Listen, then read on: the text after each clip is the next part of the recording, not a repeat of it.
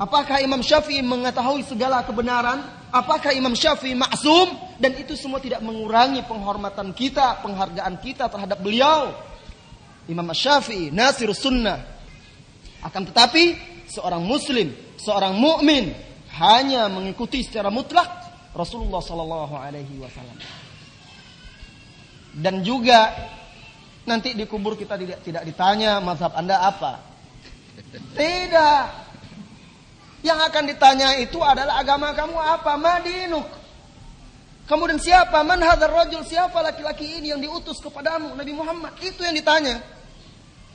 Nah, bagaimana akan menjawabnya kalau ternyata kita taklid kepada seseorang meninggalkan Rasulullah sallallahu alaihi wasallam. Selain daripada itu, sesungguhnya madhab para ulama tersebut imam yang empat adalah idza sahhal hadis fahuwa madhhabi. Apabila hadis telah sahih, itulah mazhabku dan itu pula mazhab kita yang meneladani para imam yang empat itu insyaallah taala. Allahu a'lam. Sebagian ustaz atau yang mengaku ustaz berkata, agama Islam ada yang isinya dan ada yang kulitnya.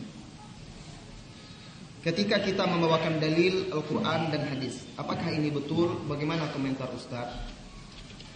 Pernyataan bahwasanya ajaran Islam ada isi dan kulitnya atau dalam bahasa orang-orang sufi zahir dan batin. Ini adalah pernyataan yang batin yang ditujukan untuk mentakwil dan menyelewengkan nas-nas Al-Quran dan hadis. Apabila ada orang yang mengatakan hal yang seperti ini kepada kita tatkala kita membawakan dalil-dalil Al-Quran dan hadis katakan kepada dia Anggaplah apa yang Anda katakan benar. Bahwa Al-Quran atau Islam itu ada isi dan kulitnya. Bagaimana Anda akan bisa memahami isi tanpa memahami kulitnya dahulu? Nah sekarang nih kulitnya, terima kulitnya. Ah, iya, mustahil dia akan memahami isi. Batinnya, kalau zahirnya dia tidak paham, dia tidak mengenal Al-Quran, tidak mengenal hadis-hadis Rasulullah Sallallahu Alaihi Wasallam. Seseorang tidak akan bisa mencapai isi, makna, kandungan dari Al-Quran, hadis-hadis Rasulullah Sallallahu Alaihi Wasallam, melainkan dengan memahami ayat dan hadis tersebut sesuai dengan pemahaman Rasulullah Sallallahu Alaihi Wasallam dan pemahaman para sahabatnya. Jadi sesungguhnya yang dikemukakan oleh para sebagian ustadz atau yang mengaku ustadz tersebut hanyalah dalil, hilah, kilah untuk lari dan enggan menerima kebenaran dari orang yang menyampaikannya. Allahu a'lam. Ustaz, fenomena kegiatan peringatan Maulid Nabi sallallahu alaihi wasallam saat ini tidak hanya di masjid-masjid tapi juga melanda kepada pendidikan-pendidikan formal mulai dari TK, SD, SMP, SMU, universitas, akademi seolah-olah ini merupakan rutinitas setiap tahun. Pertanyaan, apa sikap kita terhadap anak-anak dan juga pemerintah terhadap hal ini? kita katakan apa yang ditanyakan oleh yang bertanya tadi menunjukkan kepada kita bahwa sudah sangat bertebarnya di tengah komunitas muslim cinta-cinta palsu. Ketika kecintaan itu mendorong mereka untuk melakukan sesuatu yang dilarang oleh orang yang mereka cintai. Bukankah Nabi telah melarang kita wa iyyakum wa muhdatsatil umur Jauhilah oleh kalian hal-hal yang baru di dalam masalah agama. Saya cinta kepadamu wahai Nabi, tapi saya tidak bisa meninggalkan hal-hal yang baru tersebut. Kan seolah-olah begitu. Lisanul hal kata para ulama, bahasa gerakan mereka seperti itu. Kami cinta kepadamu wahai Nabi. Tapi kalau ada hal yang baru yang tidak ada di zaman engkau, kami boleh-boleh saja kan, walaupun engkau larang. Maka kita katakan ini cinta palsu. Ini juga menunjukkan kepada kita bahwa sedikitnya orang-orang yang mempunyai cinta murni. Karena sedikitnya orang-orang yang tidak setuju dengan Maulid Nabi. Dan menunjukkan bahwa bid'ah itu telah berakar di tengah masyarakat kita. Sehingga ketika kita tidak setuju, kita yang dituding kalian ajaran sesat ini. Persis seperti yang dikatakan oleh Abdullah bin Mas'ud, bagaimana kalau bid'ah sudah bersebar di tengah kalian, ulama sedikit yang banyak adalah qurra. ketika sunnah dianggap bid'ah, ketika bid'ah dianggap sunnah, ketika mungkar diperingatkan atau dilarang atau diperingatkan untuk dijauhi, dirubah, mereka berkata sunnah telah dirubah. Maka tidak jarang orang-orang yang tidak setuju dengan peringatan Maulid Nabi dikatakan kalian memang ajaran ajaran kelima ini, aliran baru kalian. Dan ini menunjukkan juga kepada kita bahwa memang Islam itu gharib, aneh, asing di akhir zaman, seperti yang dikatakan oleh Rasulullah sallallahu alaihi wasallam. Dan ini menunjukkan kepada kita juga alhamdulillah kita masih mendapatkan hidayah untuk berada di atas sunnah Rasulullah. Menantang seluruh arus bid'ah. Maaf kalau ada yang setuju dengan pemahaman Muhammadiyah. Muhammadiyah salah satu slogannya memberantas syirik, khurafat, bid'ah. Ungkapan. Jadi bagaimana sikap kita terhadap anak-anak? Mungkin di sini yang bertanya saya rasa guru ini. Karena dia berbicara anak-anak. Kita katakan yang jelas kita yakini itu bid'ah. Lalu kita berdakwah sebatas daya dan upaya kita. Kita sampaikan Perihal bagaimana hasilnya kita serahkan kepada Allah. Sampaikan dengan cara yang hikmah, sampaikan dengan cara yang baik, dengan dalil dan argumen, bukan langsung kepada hukum. Orang awam sekarang tidak mengerti kalau kita langsung kepada hukum. Bid'ah itu tidak boleh kata Nabi. Ini bid'ah, nggak bisa seperti itu orang awam, nggak bisa dia menanggapi. Karena sudah bercokolnya syubuhat di kepalanya. Lalu katakan bahwa terangkan dengan baik bahwa Rasulullah tidak pernah melakukannya, sahabat yang lebih mencintai Rasulullah tidak pernah melakukannya.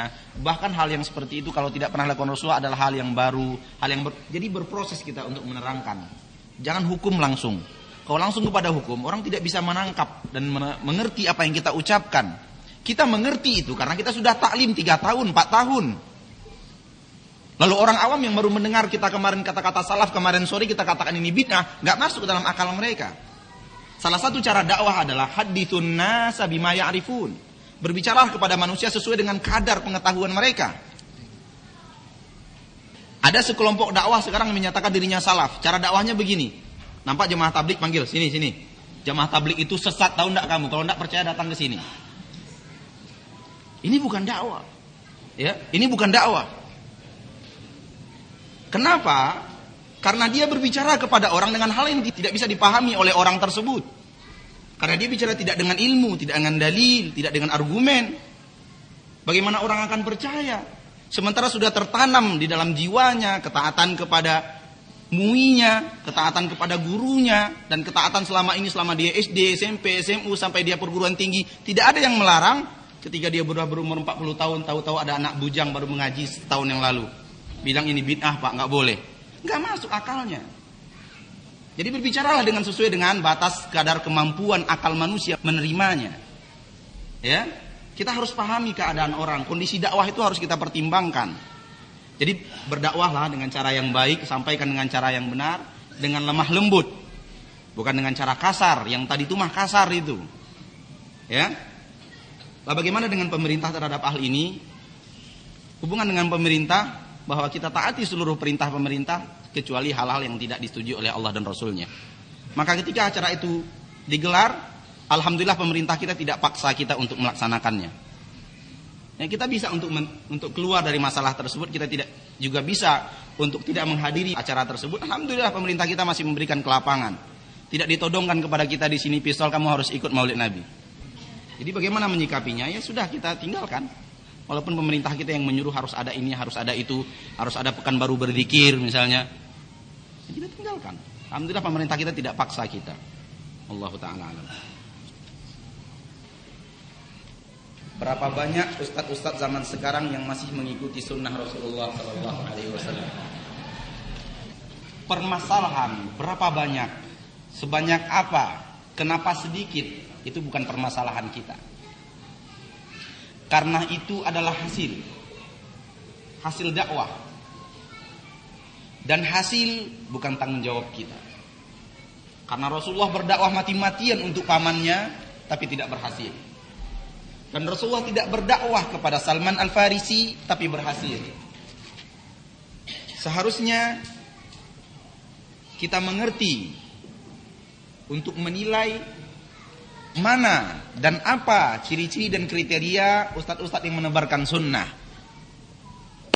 Dan kita tidak melihat kepada kuantitas. Karena Islam tidak terlalu memperhitungkan dan bahkan tidak memperhatikan kuantitas dengan perhatian yang yang sangat perhatian. Tidak. Islam perhatian kepada kualitas. Rasulullah SAW bersabda, La yahdiyallahu bika rojulan wahidan kalau Allah beri hidayah di tanganmu satu orang laki-laki saja, satu orang, maka lebih baik daripada nikmat-nikmat dunia. Islam memperhatikan Rasulullah satu orang, tapi benar-benar hidayah. Di Mekah Rasulullah kita Shallallahu Alaihi Wasallam juga tidak memperhatikan atau tidak fokus kepada kuantitas, tapi beliau fokus kepada kualitas. Dan bukan berarti kuantitas itu tercela. Kuantitas yang bergandengan dengan kualitas terpuji, tapi kuantitas tidak berhubungan dan tidak bergandengan dengan kualitas terhina. Kalau ada dakwah sekarang, dia mencoba untuk mencari suara terbanyak. Itu bukan dakwah. Karena dakwah bukanlah kampanye. Kampanye bukanlah dakwah. Kalau ada orang berkata saya berkampanye untuk berdakwah, Anda bohong. Karena kampanye untuk mencari suara terbanyak. Sementara dakwah untuk menciptakan manusia terbaik. Mungkin bermanfaat kalau kita lihat, kita perkenalkan bagaimana seorang mengenal siapa yang menyuarakan sunnah. Cirinya gampang. Karena begini, orang kalau berbicara dengan ilmu, kapan pun dia ditanya tentang landasan yang dia ucapkan, dia sudah tahu dan sudah bisa menjawab langsung dari kitabullah dan sunnah Rasulullah Sallallahu Alaihi Wasallam. Jadi ketika dia berpendapat, tanya, Ustaz, eh, apa dalilnya masalah yang anda ungkapkan ini? Dia sudah bisa langsung menjawab dengan kitabullahnya dan sunnah Rasulnya dan amalan para sahabat radhiyallahu anhum ajmain.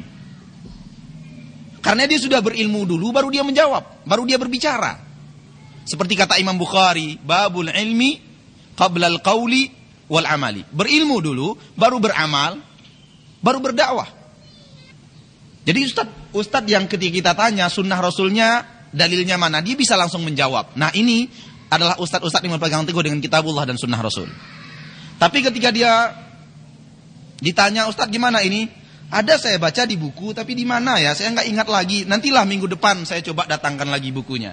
Nah, berarti dia berbicara bukan dengan ilmu. Dia hanya mendengar-dengar saja, dia hanya merekam-rekam saja, kemudian dia sampaikan kepada orang. Sehingga dia tidak punya ilmu pasti. Di antara ciri-ciri cinta kepada Rasul, tidak berbicara tentang sesuatu tentang syariat Rasul Sallallahu Alaihi Wasallam tanpa ilmu. Oleh karena itu dia tidak akan berbicara, dia tidak akan menekankan poin, dia tidak akan menyebarkan sebuah poin yang tidak ada dalilnya. Ya, jadi yang terbaik adalah kita mengenal dai yang sesuai dengan sunnah. Dan ketahuilah bahwa da'i yang sesuai dengan sunnah sekarang itu sedikit. Tidak banyak. Karena zaman kita adalah zaman gurbah. Zaman keterasingan. Kayak yang bersebar banyak itu adalah bid'ah, bukan sunnah. Oleh karena itu penegak dan pejuang-pejuang sunnah juga sedikit. Sebagaimana orang bersyukur juga sedikit. Qalilam ma tashkurun. Sangat sedikit di antara kalian yang bersyukur. Wa intuti aktar man fil ardi yudilluka an sabilillah. Kalau kalian ikuti kebanyakan manusia yang ada di permukaan bumi mereka akan menyesatkan kalian di jalan Allah. Kelompok-kelompok Islam itu sudah ratusan. Di Indonesia itu kata mereka-mereka yang duduk di majelis ulama, di Indonesia lebih daripada 250 aliran sesat. Itu sudah dapat sertifikat sesat dari MUI, yang belum sesat masih banyak. Jadi bagaimana kita memilih? Menunjukkan sedikitnya para ustadz, sedikitnya para dai dan sedikitnya orang yang berjalan di atas cinta Rasul yang sesungguhnya. Dan itu tidak perlu diangka-angkakan. Kita berdakwahlah saja, berbuatlah, kita bermaksimallah dalam berdakwah. Masalah berapa angkanya, berapa orang yang ikut, itu Allah yang mengatur. Tapi ciri-cirinya, dia semakin hari akan semakin bertambah. Karena yang sudah masuk ke dalam kebenaran dia tidak akan mau keluar daripada kebenaran tersebut. Dan orang akan terus masuk satu persatu. Ciri-cirinya bertambah. Jadi kalau ada kelompok dakwah yang menyatakan dirinya cinta Rasul, cinta ini, kemudian akhirnya lambat laun habis. Nah ini perlu dipertanyakan ini. Ciri-ciri yang sunnah itu di antaranya walaupun mereka sedikit tapi kian hari kian lama mereka bertambah. Seperti pertanyaan daripada Herakal, Heraklius kepada Abu Sufyan, apakah pengikut Muhammad itu bertambah atau berkurang? Kata Abu Sufyan, bal yazidun, tapi mereka selalu bertambah. Kata Heraklius, begitu juga para nabi dan orang-orang yang mendakwahkan kebenaran, mereka akan selalu bertambah. Rahasianya ada seperti yang saya katakan tadi, yang sudah tahu benar, dia tidak mau meninggalkan kebenaran. Dan yang belum tahu akan semakin lama semakin tahu, karena orang selalu berdakwah.